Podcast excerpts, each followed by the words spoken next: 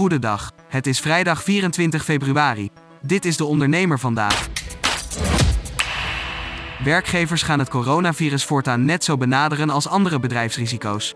Dit zegt een woordvoerder van de werkgeversverenigingen VNO-NCW en MKB Nederland in een reactie op het nieuwe corona-advies van het OMT.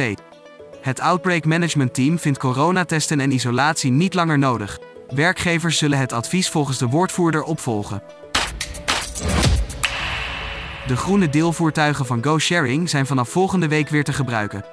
Het bedrijf maakt vandaag bekend dat het is overgenomen door BinBin, de grootste aanbieder van deelvervoer in Turkije. Dankzij de overname kan GoSharing zijn deeldienst voortzetten.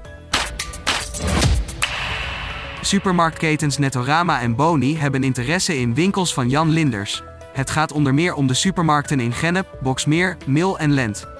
De van oorsprong Limburgse keten gaat grotendeels verder onder de vlag van Albert Heijn, maar niet alle winkels gaan mee in de overname. De omzet van elektronica webwinkel Coolblue was vorig jaar nagenoeg gelijk aan de recordomzet over 2021. De omzet steeg met 10 miljoen tot 2,35 miljard euro. De inkomsten kwamen in 2022 voor een deel uit de groei van Coolblue in Duitsland. Maar ook uit de grote vraag naar energiebesparende producten, doordat de energieprijzen het afgelopen jaar flink zijn gestegen. Hoge kosten drukten echter op de resultaten van het bedrijf. Freelance-expert Kim Trots legt uit hoe je afkomt van werken op basis van uurtje factuurtje. In de blog van de dag legt ze uit hoe je op de juiste manier jouw tarief bepaalt en hoe je jezelf op waarde kunt schatten. Tot zover de ondernemer vandaag. Wil je meer? Ga naar deondernemer.nl.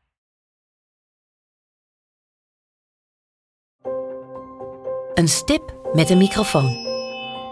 Voor een ondernemer die durft te dromen van het grote succes. Een ondernemer die in de spotlight stapt om de vakjury te overtuigen van het gouden businessconcept. Dag David. Hi Ben. Welkom Nick. Christina. Ben je er klaar voor? Ik ben er hartstikke klaar voor. Dan ga ik de klok aanzetten. Ik, Fabienne de Vries, neem jou mee in een nieuw seizoen van Droomstart.